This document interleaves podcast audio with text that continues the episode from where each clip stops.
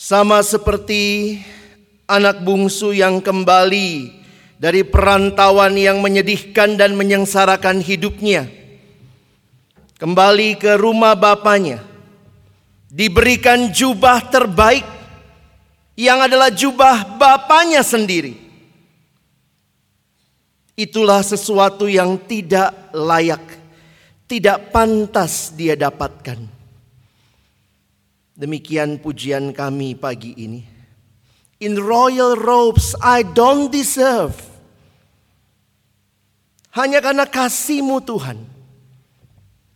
Engkau berkenan memulihkan kami dan memakai kami. Biarlah hidup kami seperti pujian ini. I live to serve your majesty. Pagi ini kami berdoa Tuhan sekali lagi. Berkenanlah berbicara kepada setiap kami melalui setiap bagian kebenaran firman-Mu. Tuhan menolong kami melihat ke dalam di jiwa kami. Tuhan menolong kami melihat kebaikanmu, anugerahmu, pengampunanmu. Terima kasih ya Tuhan, menyerahkan waktu ke depan Tuhan yang memimpin, Tuhan yang menyertai. Dalam nama Tuhan Yesus kami menyerahkan pemberitaan firman-Mu. Amin. Shalom. Selamat pagi teman-teman sekalian. Siapa yang baru hadir pagi ini? belum ikut kemarin? Ada? Beberapa ya. Selamat datang teman-teman. Kita bersyukur kalau kesempatan ini Tuhan berikan kepada kita. Pagi ini kita akan belajar dari Mazmur 51. Mari kita lihat sama-sama Mazmur 51. Kita akan membaca seluruh ayatnya. Nanti kalau kita bisa perhatikan sebenarnya konteks latar belakangnya juga ada di dalam 2 Samuel 11 sampai 2 Samuel 12 ya. Jadi nanti saya sedikit akan refer ke sana. Jadi nanti kita akan perhatikan sama-sama. Mari kita baca bergantian. Yang pria mulai baca nanti ayat 3 wanita ayat 4 kita bergantian sampai dengan ayat yang ke-21. Saya baca ayat 1 dan 2 lalu pria mulai kita nanti silih berganti pria mulai ayat yang ketiga ya. Saya baca ayat 1 dan 2. Pengakuan dosa untuk pemimpin biduan Mazmur dari Daud ketika Nabi Nathan datang kepadanya setelah ia menghampiri Bathsheba. Inilah aku ya.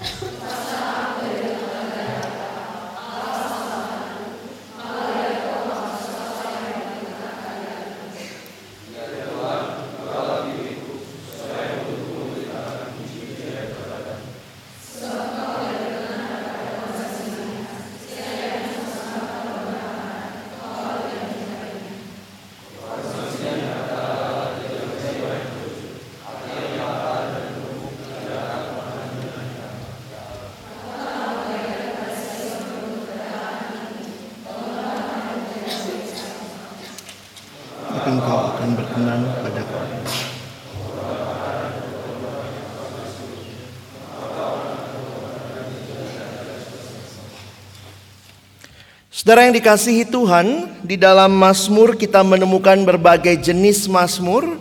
Salah satunya adalah yang disebut dengan Mazmur pengakuan dosa, ya. Di dalam uh, satu buku yang saya pakai, dia mengatakan di dalam Mazmur ada tujuh Mazmur pengakuan dosa dalam kitab Mazmur. Yang warnanya merah itu ditulis oleh Daud. Ada dua yang tidak ditulis oleh Daud, ya. Yang biru itu misalnya nyanyian ziarah begitu ya. Dan Mazmur 51 ini merupakan Mazmur pengakuan dosa yang paling indah. Ini adalah pengakuan dosa Daud setelah Nabi Nathan menegur dia karena perzinahannya dengan Batsheba. Dan apa yang kita lihat di dalam bagian ini, kita mengerti bahwa dosa membuat orang begitu tidak berdaya, rendah, hancur, bermasa depan kelam, terhukum di bawah murka Allah. Kejatuhan Daud membuat dia menjadi kerdil Kenapa demikian nanti saya jelaskan. Orang nomor satu di kerajaan Israel, figur kebanggaan bangsa, wakil Allah untuk memimpin bangsa. Mengungkapkan satu pengakuan yang paling sulit. Memang ya kalau kita di pelayanan juga ya, mungkin kita mulai kayak karir pelayanannya itu mulai dari bawah gitu ya. Oh jadi jemaat biasa. Terus jadi penerima tamu Terus kemudian mulai jadi uh, asyir, penerima tamu, lalu naik sedikit ditawarin jadi pengurus gitu ya. Lalu kemudian nanti naik lagi jadi pemimpin kelompok kecil, naik lagi jadi ketua, jadi tim inti gitu ya. Itu sampai rasanya cuma sedikit di bawah Tuhan Yesus begitu ya. Karir kita naiknya.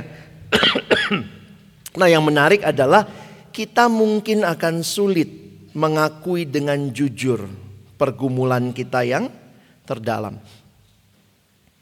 Hati-hati, kedudukan tidak seharusnya, status jabatan tidak seharusnya menjadikan kita pribadi yang berbeda. Sebelum engkau menjadi ketua, tim inti, pelayan, ketika masih jemaat biasa kesadaran dosanya tinggi banget gitu. Tapi begitu sudah jadi pemimpin, hati-hati. Kita harusnya meminta Tuhan berikan saya hati yang sama. Yang sadar dan peka akan dosa. Untuk saya coba gumulkan kitab uh, tokoh Daud ini. Ada satu kalimat yang berkesan bagi saya bahwa memang Daud berdosa. Tetapi dia disimpulkan sebagai a man after God's own heart. Karena setelah dia jatuh dan ditegur dia langsung bertobat. Itu yang menarik.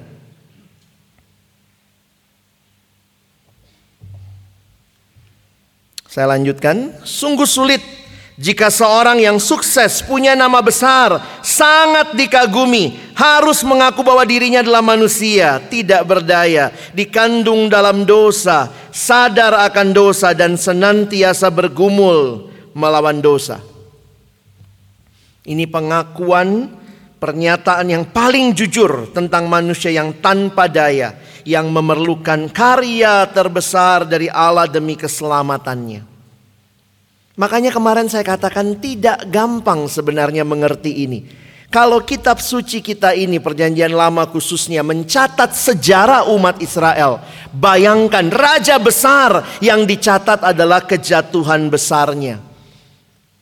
Jarang ya kita menerima atau melihat hal seperti itu. Philip Yancey mengatakan kalimat ini, All nations have heroes, but Israel may be alone in making epic literature, maksudnya kisah-kisah kepahlawanan about its great, greatest heroes failings. Jadi ini bangsa Israel punya justru cerita kepahlawanan yang di dalamnya di, dibeberkan begitu rupa kegagalan kegagalan pemimpinnya. Nah, karena itu saudara perhatikan kayak yang saya katakan kemarin, ini ayatnya sebenarnya Apa tantangan jadi raja? Ya, nah tantangan jadi raja ternyata makin banyak atau makin tinggi kedudukan, makin mungkin kita juga terjebak dengan berbagai hal termasuk fasilitas yang disediakan. Kita lihat ayat berikut ya. Ulangan pasal yang ke-17 ayat 16 sampai 17. Nanti bisa catat, lihat dicek lagi. Kita baca dulu yang ada di slide ini ya. Apa yang Tuhan sudah warning sejak kitab ulangan kalau Israel punya raja. Kita baca sama-sama. Satu dua ya.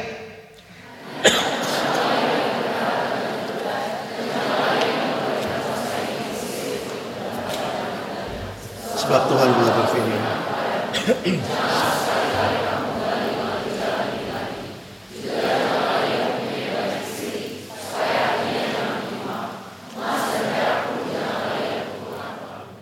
Wah menarik ya, kok istri sama kuda gitu ya, agak sejajar itu ya. Maksudnya jangan banyak istri, jangan banyak kuda.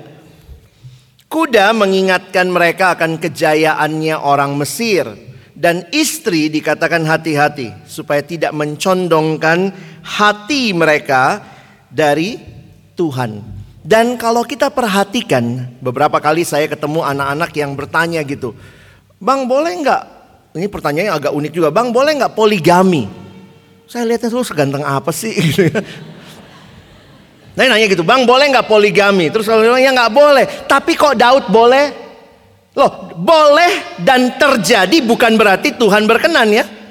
Jangan begitu. Salomo, tuh Salomo bang kan orang paling berhikmat, istrinya banyak. Istri 700, gundik 300. Total 1000.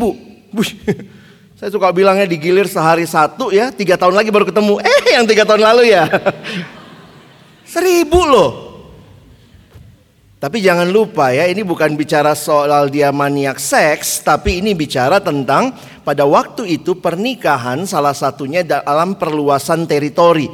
Jadi kalau ada bangsa yang takluk maka dia akan menyerahkan diri termasuk menyerahkan upeti. Upetinya Misalnya anaknya nih kawinin nama Salomo, kira-kira begitu ya. Tapi ingat kalimat Alkitab bahwa karena banyaknya istri Salomo, mereka mencondongkan hatinya jauh daripada Tuhan.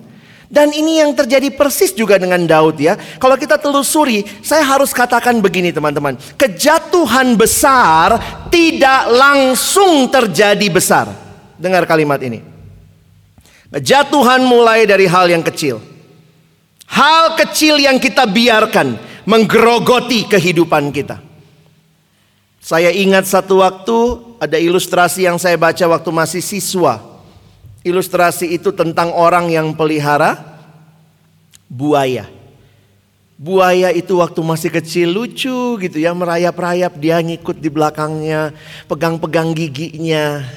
Terus dipelihara, dikasih makan. Sampai satu waktu Ketika buaya itu sangat kelaparan karena daging yang dia butuhkan sudah tidak bisa lagi sedikit. Maka pemiliknya dia makan. Ini menggambarkan hati-hati dengan dosa. Kita beri celah sedikit. Kita jatuh bisa begitu dalam. Makanya tidak ada orang yang langsung jatuhnya dalam. Biasanya tidak demikian. Dalam konseling kita menemukan orang-orang yang memberi one inch. If you give one inch to sin, then the sin will take even one kilometers in your life. Satu inci kamu kasih, dosa itu akan mengambil sampai satu kilometer hidup. Satu cerita yang saya baca tentang penerbangan yang jatuh, ketika pesawat itu terbang dan dia jatuh diselidikilah. Waktu diselidiki hari itu 200 orang meninggal karena ketika pesawat itu terbang naik ternyata bagian sayap kanan pesawat itu mesinnya jatuh. Dan ketika dicari tahu maka ternyata ada satu baut yang tidak terpasang sebagaimana seharusnya. Dan saya ingat dalam buku itu dikatakan begini. Hal yang kecil kita anggap sepele itu bisa mematikan kita.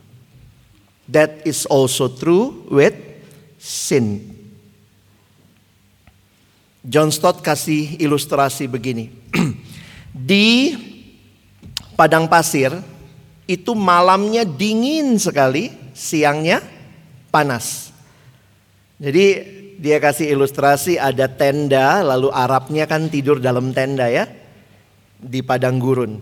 Nah biasanya malam-malam karena kedinginan, unta itu akan masukkan kepalanya ke tenda si Arab.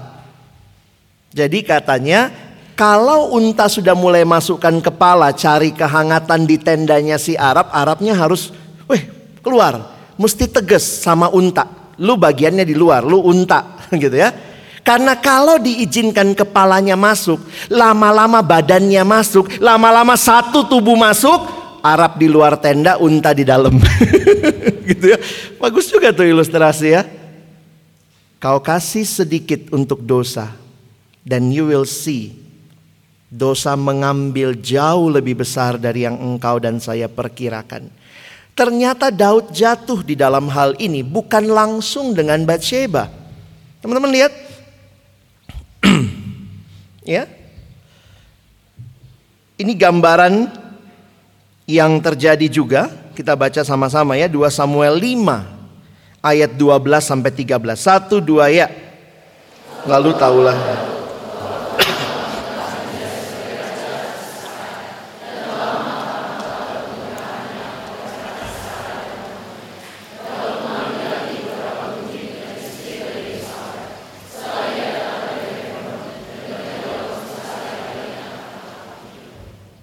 Saya mau kita belajar lebih mendalam pagi ini bahwa dosa bukan hanya waktu jatuhnya Daud sama Bathsheba.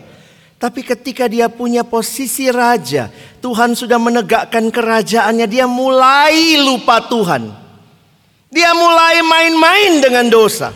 Dia rasa nggak apa-apa. Kadang-kadang kita begitu ya. Kalau kita sudah jadi pelayan, jadi pengurus, jadi koordinator, jadi tim inti. Kalau bikin dosa kayaknya gampang. Besok kita tutupi dengan rapat yang doanya panjang. Oh kayaknya tertutup dosa kita. Kalau kemarin kita baru nonton film porno tadi malam. Besok paginya saat teduh lebih lama. Kenapa besoknya siangnya saya akan pimpin rapat pengurus. Kita bisa tutup begitu rupa karena kita punya akses dengan Tuhan, kita punya kedekatan dengan Tuhan, tapi belum tentu itu membawa kita benar-benar hidup jujur di hadapan Tuhan. Survei yang dilakukan terhadap pelayan Tuhan banyak kali, sering kali hasilnya dalam relasi dengan dosa jauh lebih mengerikan daripada jemaat. Dengar kalimat saya? Beberapa kali survei terhadap dosa pengurus, pelayan, pemimpin jauh lebih mengerikan daripada dosanya jemaat. Karena mungkin kita tahu ya, kalau dosa minta ampun, selesai. Kita nggak jaga hidup. Daud dikokohkan kerajaannya, ngambil lagi istri, ambil gundik, tidak heran 2 Samuel pasal yang ke-11 dia jatuh dengan Bathsheba itu bukan kejatuhan pertama teman-teman. Nangkap maksud saya? Kita lihat sebentar beberapa hal yang dikatakan di sini ya. Jadi waktu saya pelajari yang tadi nih ya, sorry. Ini dia sudah 50 tahun usianya, sudah 20 tahun memerintah sebagai raja. Makin lama orang memerintah, makin merasa biasa. Lalu ini terjadi 2 Samuel 11, ya. Nah, kita lihat sebentar apa yang terjadi. Kita baca satu dua ya. Pada pergantian tahun, pada waktu raja-raja biasanya maju berperang,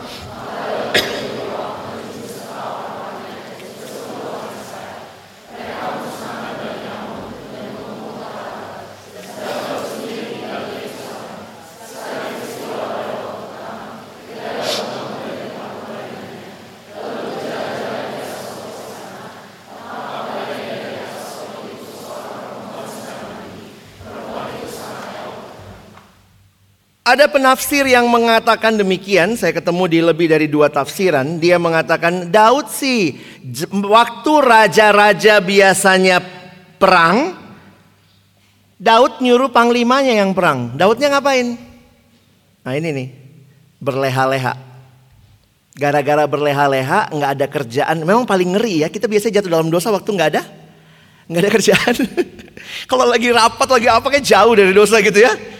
Makanya jangan jangan lari gitu ya. Begitu uh, pikiran lagi tenang nerawang, eh ambil video porno, nonton masturbasi puas. Nggak ada kerjaan Korea, Korea, Korea ditonton begitu ya. Sampai akhirnya lama waktu habis. Memang kalau senggang itu ngeri loh.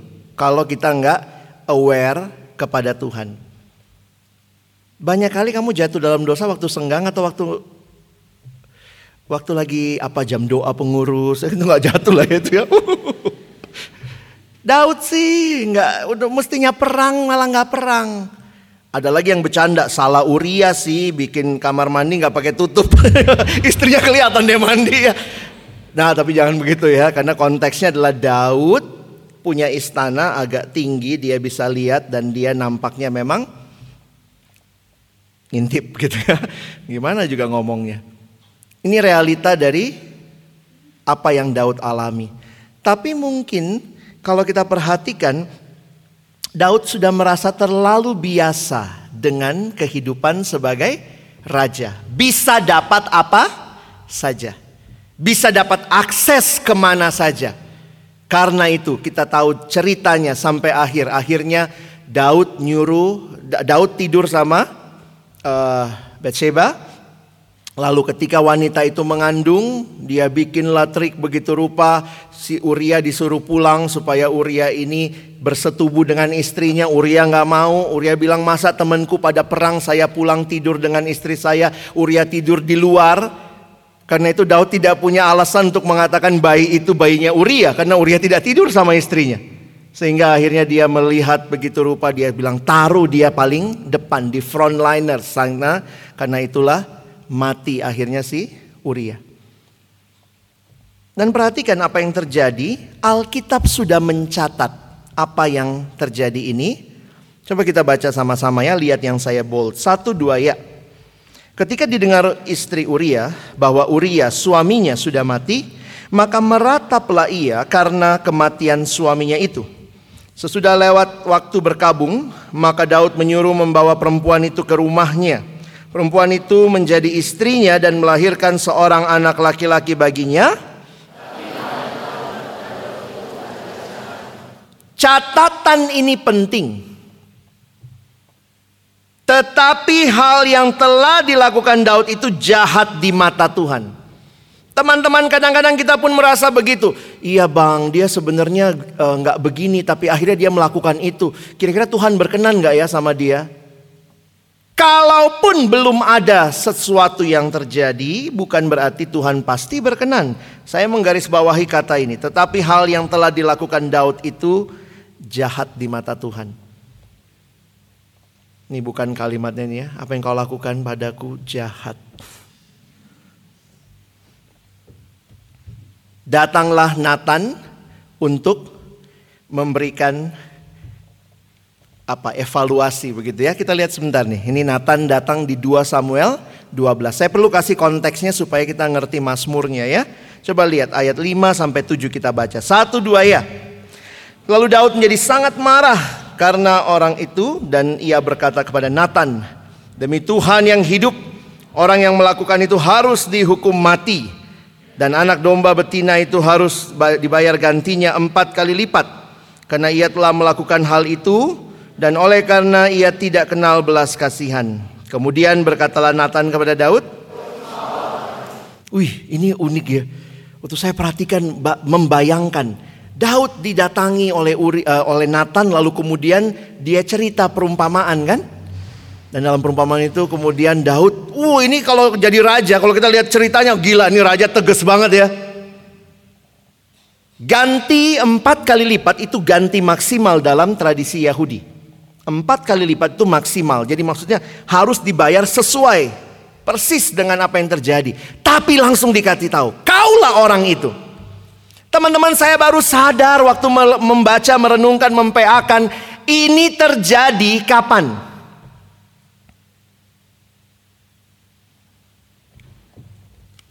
Sudah hampir satu tahun. Karena anak itu sudah lahir. Benar nggak?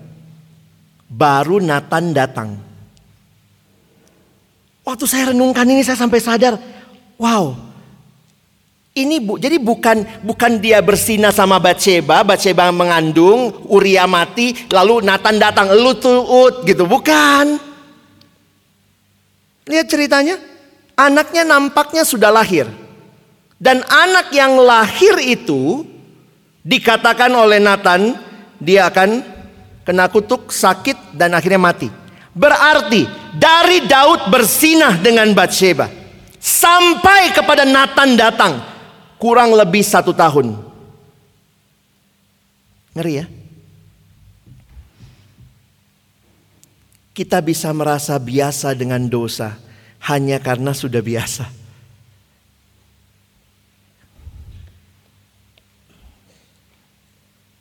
Gak apa-apa lah bang, gue memang suka tuh e, nonton film porno. Kayaknya setahun pelayanan gak apa-apa, semua berjalan baik.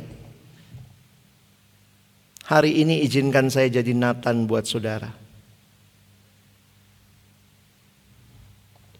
Apa yang biasanya kita minta jemaat lakukan? Pertanyaannya, sudahkah kita lakukan? Saya ingat kalimat yang sering kali bangsa Gala katakan kepada saya waktu kita bicara tentang KKR. Salah satu yang dia katakan yang saya ingat betul. Engkau tidak bisa minta dosa keluar dari hidup orang sementara engkau sendiri sedang bermain-main dengan dosa itu. Jangan pernah pikir minta dosa keluar dari hidup orang. Bertobat kepada adik kelompok kecil kita. Tinggalkan dosa itu. Padahal kita masih menjadi satu orang yang menjadi pelaku dan penikmat dari dosa itu. Memang hanya Tuhan yang berkuasa, tapi Tuhan pakai engkau dan saya untuk memberitakan kebenaran, dan kuasanya itu ada di dalam hidup yang jujur yang engkau dan saya hidupi. Nearly a year. Memang ada yang nanya, Apakah Daud dalam satu tahun itu kira-kira dia dihantui rasa bersalah enggak? Beberapa orang mengkaitkan ini dengan apa yang ada di Mazmur 32. Masih ingat tadi saya bilang Mazmur 32? Nampaknya walaupun Daud mungkin kayaknya begitu wise, begitu bijaksana, ada saat-saat dosa itu datang dan menghantui dirinya. Tapi kalau lagi mimpin rasanya kayak bebas dosa ya.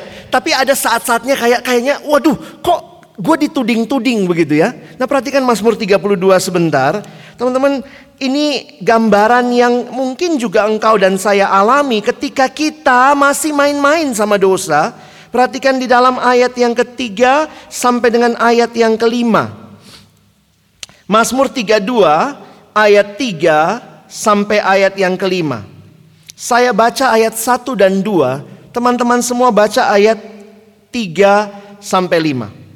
Dari Daud nyanyian pengajaran. Berbahagialah orang yang diampuni pelanggarannya, yang dosanya ditutupi. Berbahagialah manusia yang kesalahannya tidak diperhitungkan Tuhan dan yang tidak berjiwa penipu. Tiga.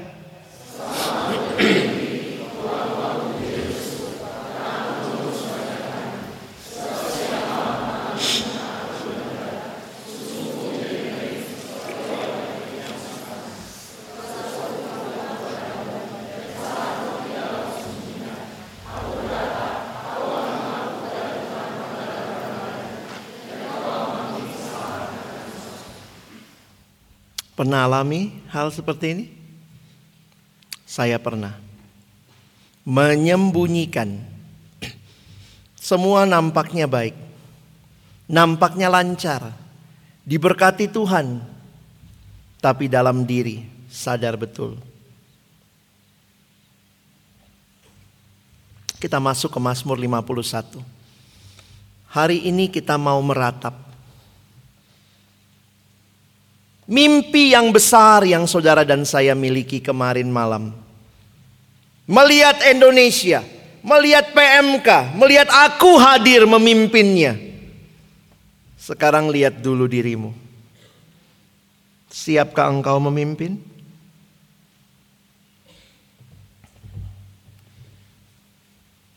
Mazmur 51 saya bagi dalam tiga bagian besar. The need of God's mercy the expression of God's mercy and the response to God's mercy. Kita mulai dari yang pertama. Saudara lihat di dalam ayat yang ada 3 sampai 5, tidak semua ayat saya expose, tapi kalau teman-teman perhatikan ayat 3 sampai ayat yang kelima, dinyatakan di situ.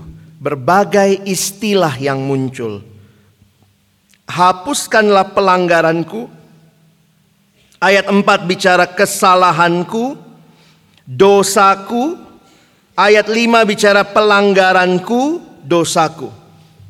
Maaf dalam bahasa Inggris. Dosa ini digambarkan dengan permainan kata. Ini tentunya puisi, karena puisi, kita perlu mengerti esensi bahasa puisi. Daud memilih kata-kata yang menggambarkan dosa, pelanggaran. Kalau Inggris pakai istilah transgression, iniquity, sin.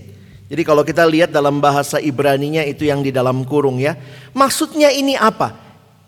Ada kaitannya dengan pelanggaran hukum. Ada yang berkaitan dengan tidak kena sasaran seperti bahasa perjanjian baru hamar hamartia. Waktu dia bicara pelanggaran itu kaitannya dengan hukum. Waktu dia bicara dosaku itu kaitannya dengan hamartia. Sehingga kalau teman-teman menggali ini semua, saya simpulkan yang akhir ini hanya mau menunjukkan to express the greatness of the sin both in quality and quantity. Dosa yang begitu besar. Yang begitu luar biasa. Kenapa?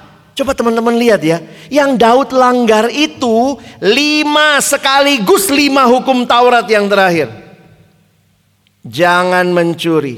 Jangan membunuh. Jangan bersinah. Jangan mengucapkan saksi dusta. Jangan mengingini milik sesamamu. Raja macam apa ini? Di sini saya makin sadar Dosa selalu berkaitan dengan dosa yang lain. Jangan pikir dosa hanyalah satu entiti yang terpisah dengan yang lain. Ketika engkau dan saya jatuh dalam dosa, maka biasanya dosa akan mengikat kepada dosa yang lain, sehingga kita masuk lebih dalam, lebih dalam, dan lebih dalam. Orang yang terbiasa berzina hampir pasti terbiasa berbohong. Betul? Belakangan ini saya dapat kesempatan pelayanan di kantor dan kemarin waktu itu di pelayanan persekutuan kantor lalu mereka bahas tentang keluarga. Saya bilang gitu ya, dosa itu kita manis-manisin gitu. Di kantor kita bilang selingkuh. Sebenarnya Alkitab bilang apa? Berzina kan? Tapi enak nggak ngomongnya, ih, ih bapak itu berzina loh sama ibu itu. Kayaknya kayaknya kasar gitu ya. Kita ganti biar lebih indah. Cuma selingkuh, selingan indah keluarga utuh. Pas pulang bilangnya apa? Oh ada meeting. Kenapa? Mau berzina. Nangkap maksud saya? Kalau kita melakukan satu dosa, jangan pikir hanya itu. Daud lima sekaligus. Dia mau istri orang, caranya bunuh suaminya. Waktu masih bersuami dia selingkuh, dia sinah sama wanita itu. Dia pakai saksi dusta. Ngeri saudara. Dosa itu menguasai seluruh kehidupan. Tapi apa yang menarik? Kesadaran akan dosa yang Daud miliki. Perhatikan ayat 6. Kita baca sama-sama ya. Satu dua ya terhadap engkau, terhadap engkau sajalah aku telah berdosa dan melakukan apa yang kau anggap jahat, supaya ternyata engkau adil dalam putusanmu. Daud melihat dosanya, bukan hanya dalam relasi dengan Bathsheba, bukan hanya relasi dengan Uria, relasi dengan keluarganya dia menipu istri-istrinya, relasi dengan bangsanya. Tapi Daud melihatnya sebagai dosa di hadapan Allah. Saudara menarik sekali. Ketika kita bikin dosa sama orang lain, mungkin kita bermusuhan, berantem dengan orang lain. Tapi pengakuan dosanya ke mana? Ke Tuhan. Kenapa? Ini yang paling penting sebelum kita membereskan yang horizontal. Tiap kali saya datang ke gereja lalu mari kita mengaku dosa. Saya pikir Tuhan harusnya saya ngakunya sama dia. Sorry ya kemarin gue gaplok lu dari belakang Sampai muka lu masuk ke dalam kolam misalnya gitu ya. Harusnya kan sama dia dong ngakunya ya. Tapi Tuhan minta kita datang kepada dia. Bahwa kita telah melukai sesama yang diciptakan Tuhan. Dan Daud sadar betul itu. Terhadap engkau, terhadap engkau sajalah aku telah berdosa. Sebelum saudara dan saya membereskan relasi-relasi yang horizontal, ingatlah dosa yang pertama dan terutama adalah relasi yang vertikal. Dan ini kesimpulan saya untuk bagian ini. It's only when we see the gravity of sin. Hanya waktu kita bisa melihat betapa dalamnya dosa, betapa me, me, mengerikannya dosa yang sudah kita lakukan that we've done, maka pada waktu itulah kita akan begitu melihat kebutuhan kita akan kasih karunia Allah yang besar. Orang kalau nggak pernah sadar dia sakit, pasti nggak mau minum obat, benar nggak? Tapi kalau dia sadar dia sakit banget, obatnya tuh satu kotak begitu ya. Saya lihat tuh kadang-kadang ada orang tua sekarang kan obatnya tuh habis sampai 5 sampai 6 begitu. Dalam hati saya, ih sakit banget nih tante gitu ya. Ini realita yang terjadi dengan hidup kita.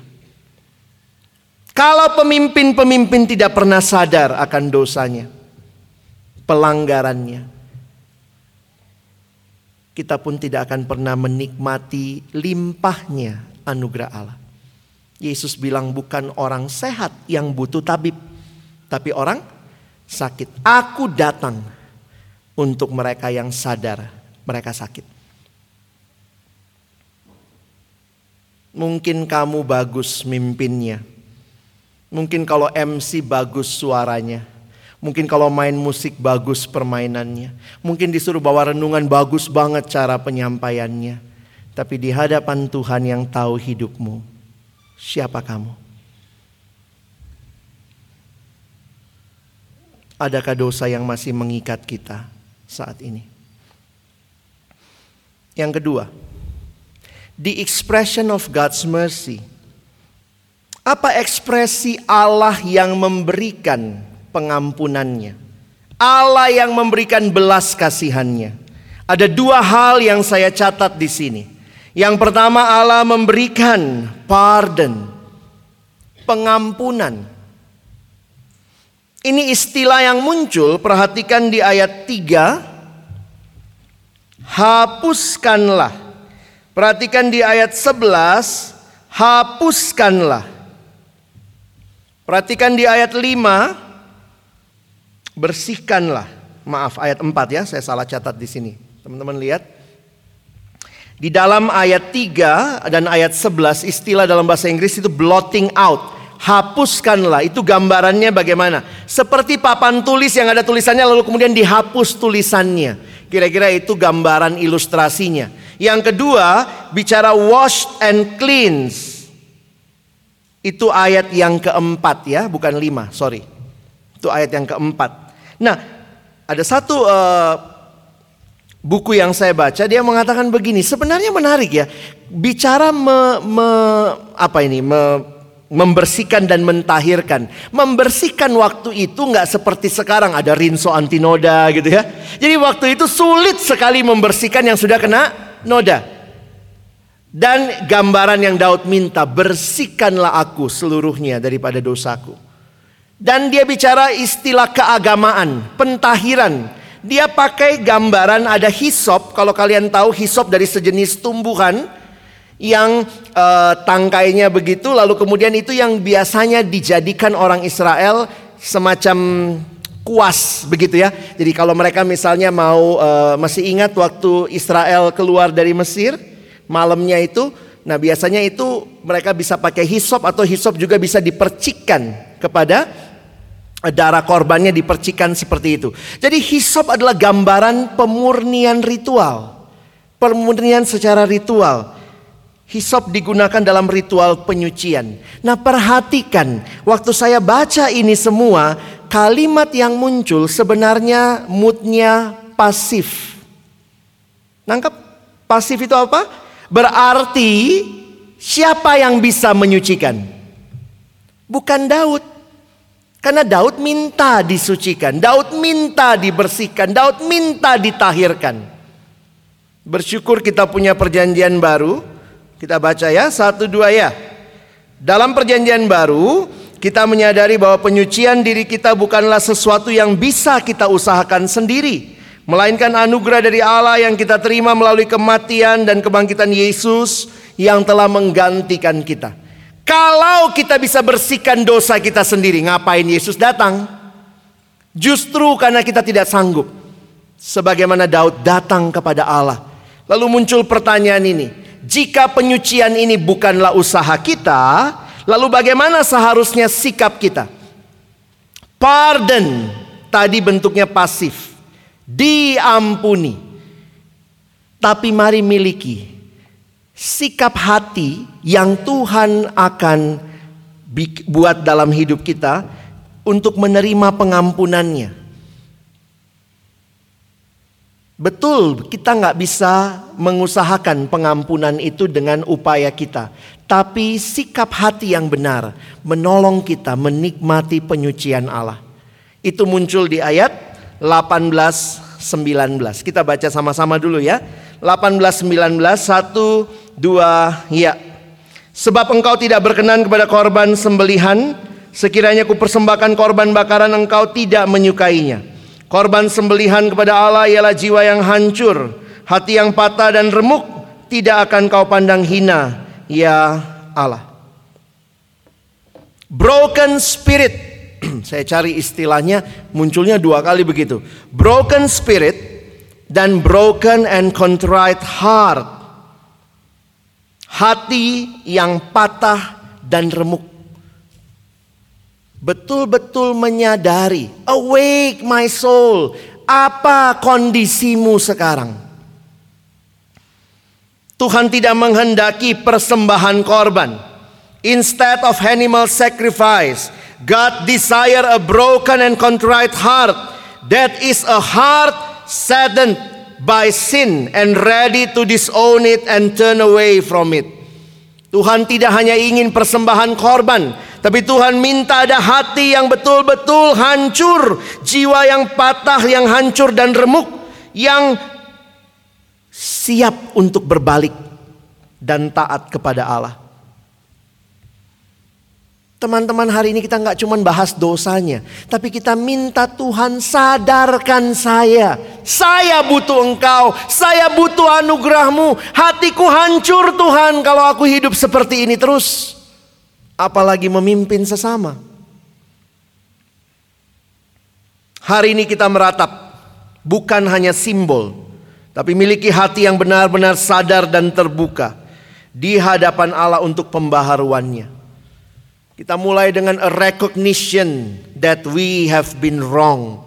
Sadar kami salah, kami bersalah dan a willingness to humble ourselves before God to ask for his mercy merendahkan diri di hadapan Allah untuk menikmati anugerahnya. Allah mau. Apakah kita siap menyediakan diri di hadapannya? Pardon yang pertama, yang kedua change. Seperti yang saya katakan tadi. Bukan hanya sadar bertobat, tapi juga ada perubahan hidup. Mari wanita baca satu dua ya.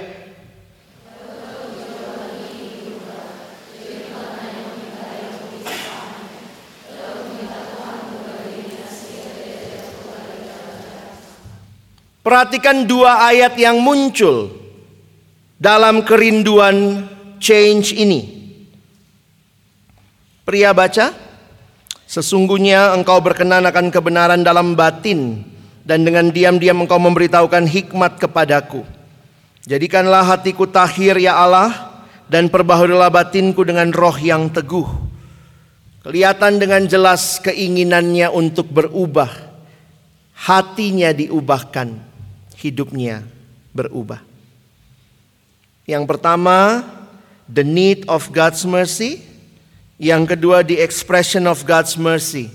Dan respon yang terakhir, response to God's mercy.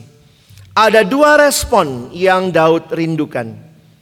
Pertama kita lihat kepada mereka di sekitarnya, to those around him. Mari baca ayatnya, satu dua ya. Maka aku akan mengajarkan jalanmu kepada orang-orang yang melakukan pelanggaran, supaya orang-orang berdosa berbalik kepadamu. Tekad untuk mengajarkan, supaya orang tidak lagi jatuh di dalam hal yang sama. Wah ini menarik. Kalau semua pemimpin sadar dosanya, mengakui dosanya, mau berubah dan mau mengajarkan, maka kau akan jadi pengurus yang sungguh-sungguh merindukan teman-temanmu tidak jatuh dalam dosa yang sama. Saya dulu begitu berdosa, saya rindu engkau tidak mengalami hal yang sama. Wah, kalau ada hati seperti ini, luar biasa. Bukan hanya kepada sesama Daud punya respon, yang utama juga responnya kepada Allah. Kita lihat ya. Baca sama-sama satu dua. Ya. Ya Tuhan bukalah bibirku supaya mulutku memberitakan puji-pujian kepadamu. Orang yang mengalami pengampunan, pembaharuan, dia rindu memuliakan Allah. Tidak heran dia tutup dengan dua ayat ayat yang meminta berkat atas Sion sebagai kota Allah di mana Daud memerintah dan juga kesediaan untuk mempersembahkan korban. Ini berarti sebuah relasi yang dibangun dengan Tuhan. Lakukanlah kebaikan kepada Sion menurut kerelaan hatimu, bangunkanlah tembok-tembok Yerusalem maka engkau akan berkenan kepada korban yang benar, korban bakaran dan korban yang terbakar seluruhnya. Maka orang akan mengorbankan lembu jantan di atas mesbahmu. Perhatikan teman-temanku sekalian, kalaupun kita punya pelayanan yang sangat bagus kelihatan di permukaan, tapi kalau ini dilakukan dengan hati yang sebenarnya sedang main-main dan terikat dengan dosa, maka ingat baik-baik bahwa apa yang terlihat di depan, yang terlihat di permukaan, yang kelihatan bagus, maaf, beribu maaf. Tuhan tidak terima. Waktu saya sadar kebenaran ini, saya sadar betapa mengerikannya. Israel Tuhan bilang, mereka memuji aku dengan mulut bibirnya. Tuhan katakan, mereka melakukan semua hal ternak yang tambun mereka persembahkan. Tapi Tuhan lanjutkan, hatinya jauh daripadaku. Belakangan ini pelayanan musik kita makin bagus. Kalau ke kampus-kampus, wah luar biasa tuh ya. Latihannya, musiknya. Kadang-kadang tuh latihan musik aja berkali-kali gitu ya. Rapat-rapat pengurus makin tertata rapi Red-red makin bagus tempatnya, nggak kayak zaman saya dulu ya. Asal bisa ada aula besar tidur semua di situ gitu ya. Banyak hal yang makin bagus dalam pelayanan. Tapi ketika di dalamnya berisi orang-orang yang tidak diubahkan hidupnya, mohon maaf, kita hanya main-main pelayanan. Sekian lama engkau melayani, apakah engkau makin selaras dengan hati Allah? Banyak orang bergumul untuk retret koordinator ini ya. Kadang-kadang saya juga bingung gitu. Ada yang bahkan uh, sulit minta izin. Udah dikasih surat belum tentu juga mau izin gitu ya. Uh, ini ini saya bukannya menghakimi tapi saya cuma ingin melihat generasi ini. Komitmen kita gimana? Beberapa orang saya bilang kan ada jatah bolos. Pakailah jatah bolos kalau retret ini penting buat kamu. Pakai jatah bolos. Susah bang, ada kuis, ada apa? Oh iya. Poin saya begini. Kalau untuk hal-hal yang sederhana kamu nggak komitmen, ini kan bagi saya tanda kutip sederhana lah ya. Kadang-kadang jadi pertanyaan lebih dalam, dalam hal dosa kamu berani komitmen nggak? Saya mau tinggalkan dosa, betul. Saya mau belajar cinta Tuhan. Ini kan bukti-bukti yang kelihatan aja ya, misalnya berjuang hadir RK. Jadi kadang-kadang saya berpikir jangan-jangan banyak orang melayani. Tapi tidak ada yang mau bayar harga. Sebenarnya kita hanya lagi main pelayanan-pelayanan. Tidak sungguh-sungguh bayar harga, tidak sungguh-sungguh hidupnya berubah. Dan sekali lagi maaf teman-teman, saya harus katakan hal yang menyedihkan ini. Tuhan tidak terima. Di akhir kenapa Daud bicara korban? Salah satu penafsir mengatakan Daud nampaknya menyadari ketika hatinya berubah barulah korban itu bermakna. Ketika hati berubah barulah korban itu bermakna. Ketika hidup berubah, ketika ada pembaharuan barulah pelayanan kita bermakna. Tanpa perubahan hidup, kita sedang main-main dengan pelayanan Tuhan. Kita kotori pelayanan ini dengan hidup busuk yang saudara dan saya tidak mau tinggalkan. Mau minta dosa keluar dari hidup orang? Sudahkah engkau minta dosa keluar dari hidupmu?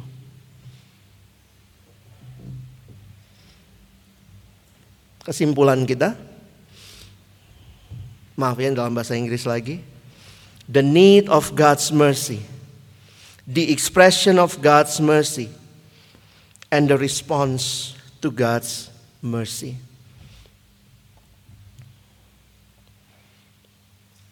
Saya mengalami pembaharuan.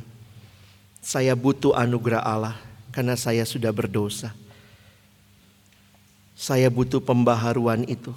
Tuhan tolong saya punya hati yang hancur dan remuk.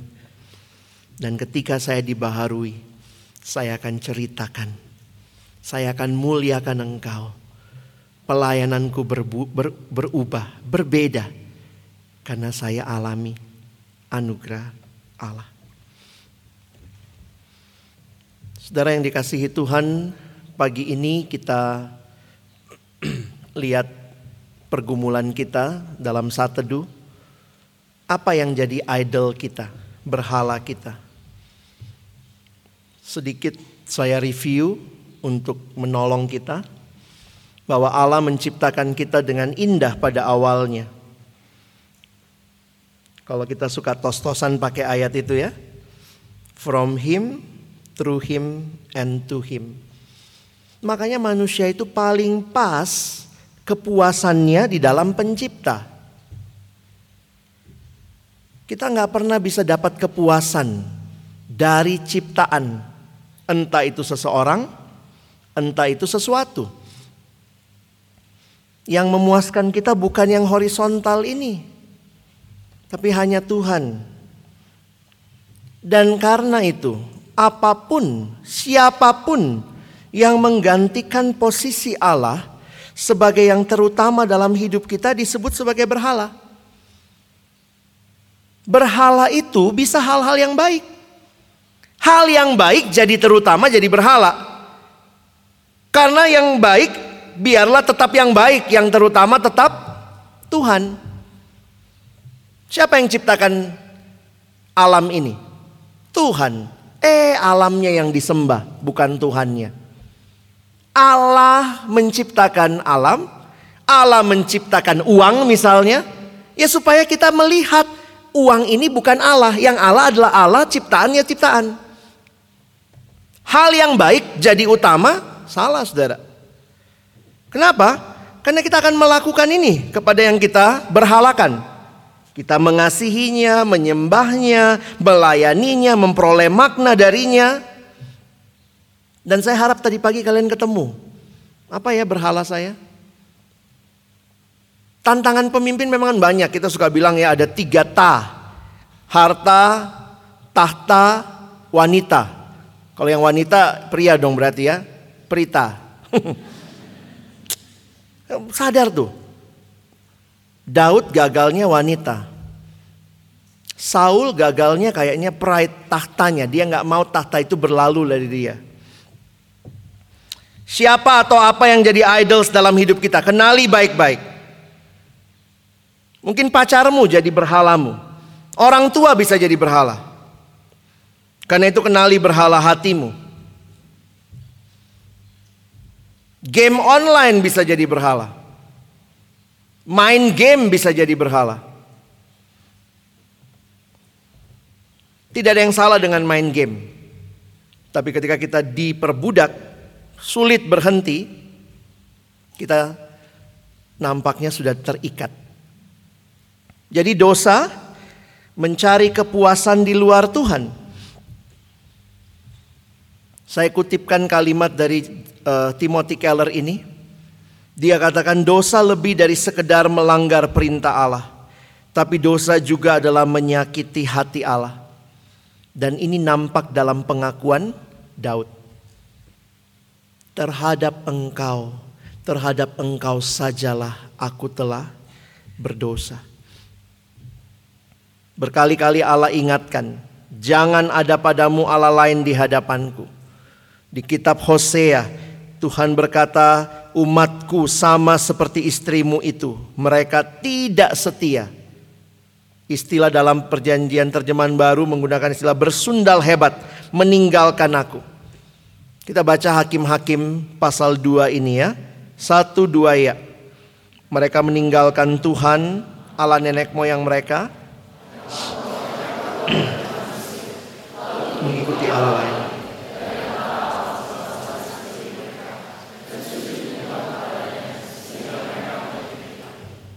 Sadarkah kita?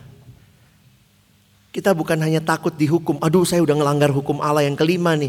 Tapi waktu kita melanggar hukum itu kita sedang menyakiti Allah. Mendukakan Allah. Kenapa? Karena kita punya Allah yang lain yang lebih kita sukai. Pornografi jadi Allah kita, seks bebas jadi Allah kita. Oh banyak pengurus katanya masih terikat pornografi. Apa harapan buat bangsa kita? Mau hasilkan pemimpin macam apa? Mau mati buat Tuhan? Jangan ngomong mati dulu, selesaikan pornografimu dulu. Banyak pengurus masih terikat dengan sakit hati. Mau mati buat Tuhan? Tuhan belum minta kau mati, bereskan dulu sakit hatimu. Belajar mengampuni,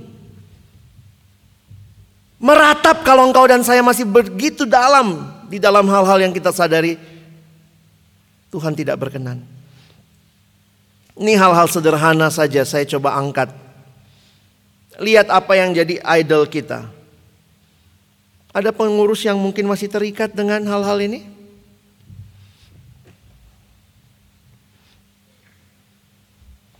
Atau mungkin yang mengikat kita ini? Kita nggak berbeda dengan dunia. Ke mall gila belanja. Terus kita mau ngajarin hidup sederhana? Kita bilang mari kita belajar hidup sederhana. Ternyata kita sendiri tidak pernah hidup sederhana. Prioritaskan waktu untuk Tuhan. Drama Korea nggak bisa berhenti. I'm so tired but I can't stop watching. Opa, oma. Siapa lah itu? Tidak ada yang salah dengan nonton, tapi kalau nonton nggak bisa berhenti, waktu saat teduh nggak bergairah, waktu nonton film Korea gairahnya luar biasa. Something wrong with our love.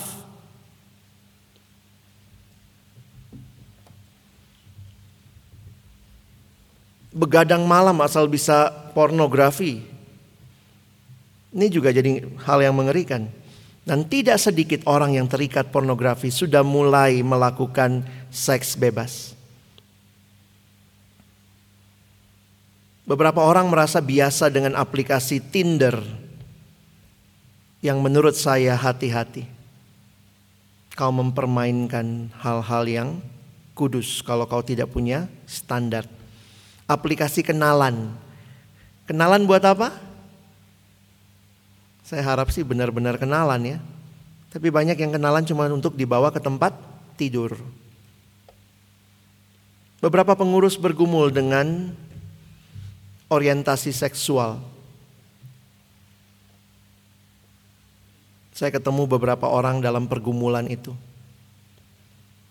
Suka dengan sesama jenis, suka kekerasan, suka dengan anak kecil, itu real di sekitar kita. Dan jangan katakan ini hal yang biasa. Dosa membelenggu kita. Dan akibatnya kita masuk di dalam ketidakpastian, rasa bersalah, kosong, frustasi, terikat. Hidup bukan sekedar mencoba, tapi hidup adalah memilih. Tidak semua hal harus dicoba. Kadang-kadang keterikatan itu ngeri ya.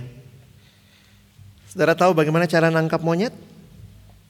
Pernah lihat monyet ya? Jangan ini sebelahku bang enggak ya?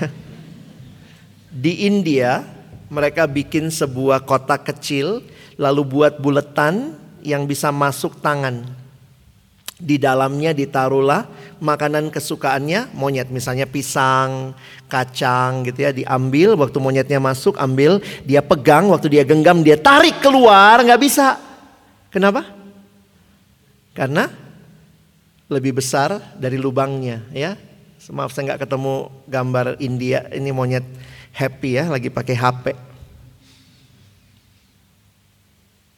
Besok paginya banyak monyet yang tertangkap tanpa perlawanan di India. Kenapa? Kan dia lagi pegang pegang yang dia genggam itu. Saudara ini gambaran kita ketika kita masih suka dengan hidup yang lama. Kita mau ikut Tuhan, kita melayani tapi kita masih pegang ini indah Tuhan, jangan. Saya minta hapus dalam nama Yesus, aduh bang downloadnya lama. Jangan dihapus dong. Kita masih mau jadi raja. Karena itu ada yang berkata begini, kita berdoa datanglah kerajaanmu. Tapi pada saat yang sama kita bilang Tuhan, tapi masih saya rajanya di sini. Kita pegang, kita masih terikat. Kita butuh disiplin pengakuan dosa. Hari ini kita akan belajar mengaku dosa. Ini disiplin loh. Kenapa gereja tiap kali kita gereja ada mengaku dosa? Karena itu disiplin yang mau dilatih. Mengaku dosa buat siapa? Buat kita atau buat Tuhan? Kalau kita nggak ngaku Tuhan tahu nggak? Hah? Tuhan nggak tahu kan? Saya baru nonton film porno nih saya bilang film porno gitu. Disiplin pengakuan dosa menolong kita membuka diri di hadapan Tuhan yang beranugerah untuk kita kembali bangkit dan hidup bagi Dia. Saya kutipkan Mazmur 32 kembali ya.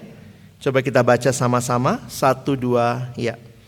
Dosaku kuberitahukan kepada Tuhan. Aku berkata, aku akan mengaku kepada Tuhan pelanggaran-pelanggaranku. Dan engkau Ayat ini berkali-kali menyegarkan saya. Kalau saya mengaku dosa Tuhan engkau tidak permalukan. Tapi Tuhan berjanji engkau mengampuni kesalahan karena dosaku. Daud tulis ini. Kemungkinan besar sudah raja. Dan dia mengatakan waktu aku mengakui dosaku. Dia nggak takut mengaku dosa. Karena dia tahu janji Tuhan. Tuhan mengampuni kesalahan. Perjanjian baru ditegaskan Yohanes kita baca jika kita berkata bahwa kita tidak berdosa maka kita menipu diri kita sendiri dan kebenaran tidak ada di dalam kita. Jika kita mengaku dosa kita maka ia adalah setia dan adil sehingga ia akan mengampuni segala dosa kita dan menyucikan kita dari segala kejahatan. Saya tutup dengan kutipan ini. The best king of Israel has fallen the farthest. Raja yang terbaik dalam umat Israel telah jatuh dalam dosa yang sangat besar. But neither he nor anyone can fall beyond the reach of God's love and forgiveness. Tapi tidak ada satupun baik Daud termasuk juga kita yang tidak bisa dijangkau oleh kasih dan pengampunan Allah. Sedalam apa engkau jatuh, ingatlah Tuhan mengasihimu, Tuhan mau engkau kembali kepada Dia. Mari kita ambil waktu untuk berdiam diri sebentar. Mohon Bang Sahat boleh maju ke depan menolong kita dengan satu pujian di hadapan Tuhan. Kita buka hati kita. Kita minta Tuhan menyelidiki hidup kita. Mari dengan lembut kita nyanyikan pujian ini. Kita minta di hadapan Tuhan, selidiki aku Tuhan. Lihat hatiku. Apakah ku sungguh mengasihimu, Yesus?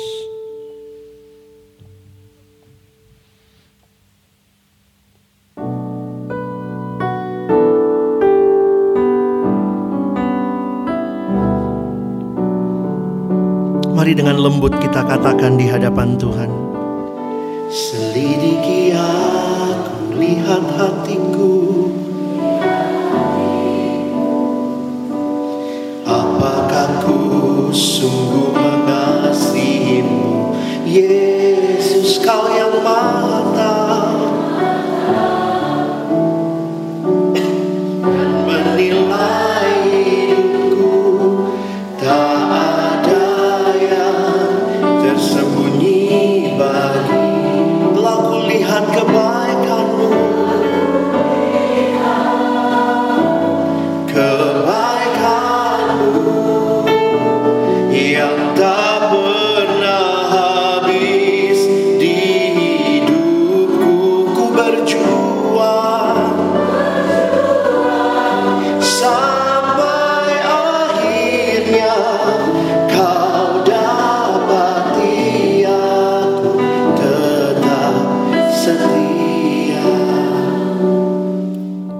Setiap kali ke satu gereja saya terkesan pada waktu mereka mengaku dosa. Hamba Tuhannya minta mereka berlutut di hadapan Tuhan. Hari ini saya minta dengan hormat kalau engkau bisa berlutut silakan berdiri menghadap ke belakang dan berlutut di kursi masing-masing.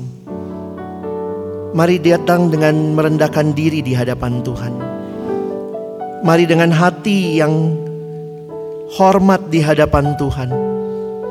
Kita minta Tuhan selidiki aku. Lihat hatiku. Apakah ku sungguh mengasihimu Yesus? Kau yang maha tahu dan menilai hidupku. Mari yang wanita nyanyikan pujian ini, yang pria berdoa kepada Tuhan.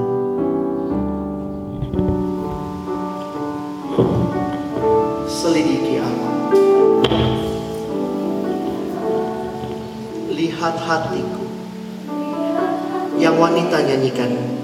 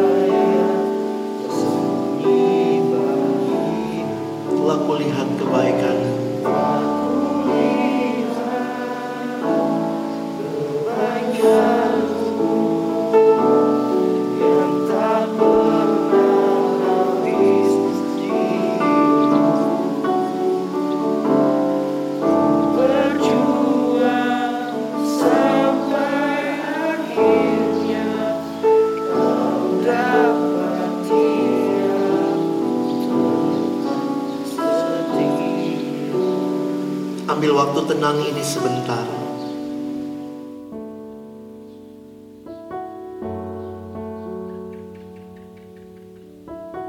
Di hadapan Tuhan yang tahu segalanya, tidak ada yang bisa kita sembunyikan. Di hadapan Tuhan yang pengampunannya besar, Dia mau memulihkan kita.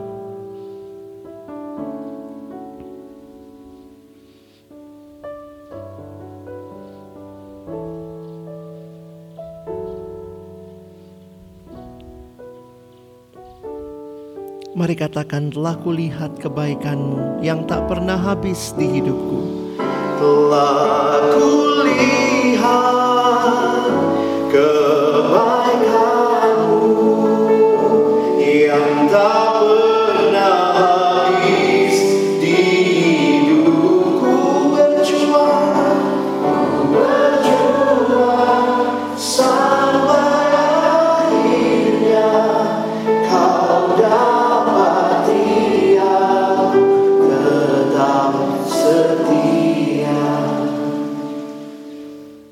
Tuhan terima kasih engkau kenal kami satu demi satu. Kau kenal kegagalan-kegagalan kami. Tidak ada hal yang bisa kami sembunyikan. Tapi kami bersyukur seperti janji firman-Mu. Ketika kami mengakui dosa kami, Tuhan setia dan adil. Tuhan mengampuni kami. Tuhan menyucikan kami. Tolong kami punya tekad untuk tidak melakukan kembali, mengulang-ulang hal yang kami sadar begitu menyakiti hati Tuhan. Pagi ini kami datang dalam doa. Tuhan, lihatlah setiap kami. Dalam nama Yesus kami berdoa. Amin. Kita dipanggil untuk melayani orang-orang yang rapuh, membutuhkan pertolongan Tuhan. Namun kita adalah bagian dari orang-orang itu juga yang rapuh dan membutuhkan Tuhan. Hari ini kita akan diajak untuk meratap, merenungkan kondisi diri kita sebelum kita melihat kondisi sama kita. Kiranya kita menyadari semua orang membutuhkan Tuhan. People need the Lord.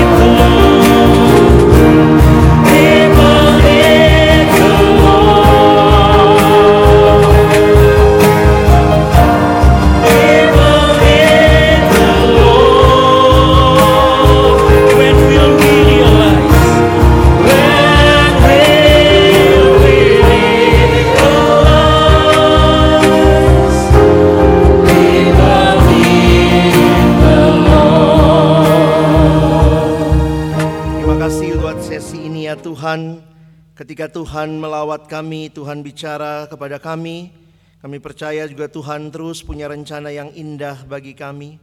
Biarlah sebagaimana Daud dipulihkan dan menjadi raja yang terus boleh berkenan di hadapan Allah, kami juga yang hari ini diingatkan, ditegur, dikoreksi, kami boleh belajar terbuka di hadapan-Mu, mengalami pemulihan itu, dan kami hadir bagi orang-orang di sekitar kami, because people need the Lord.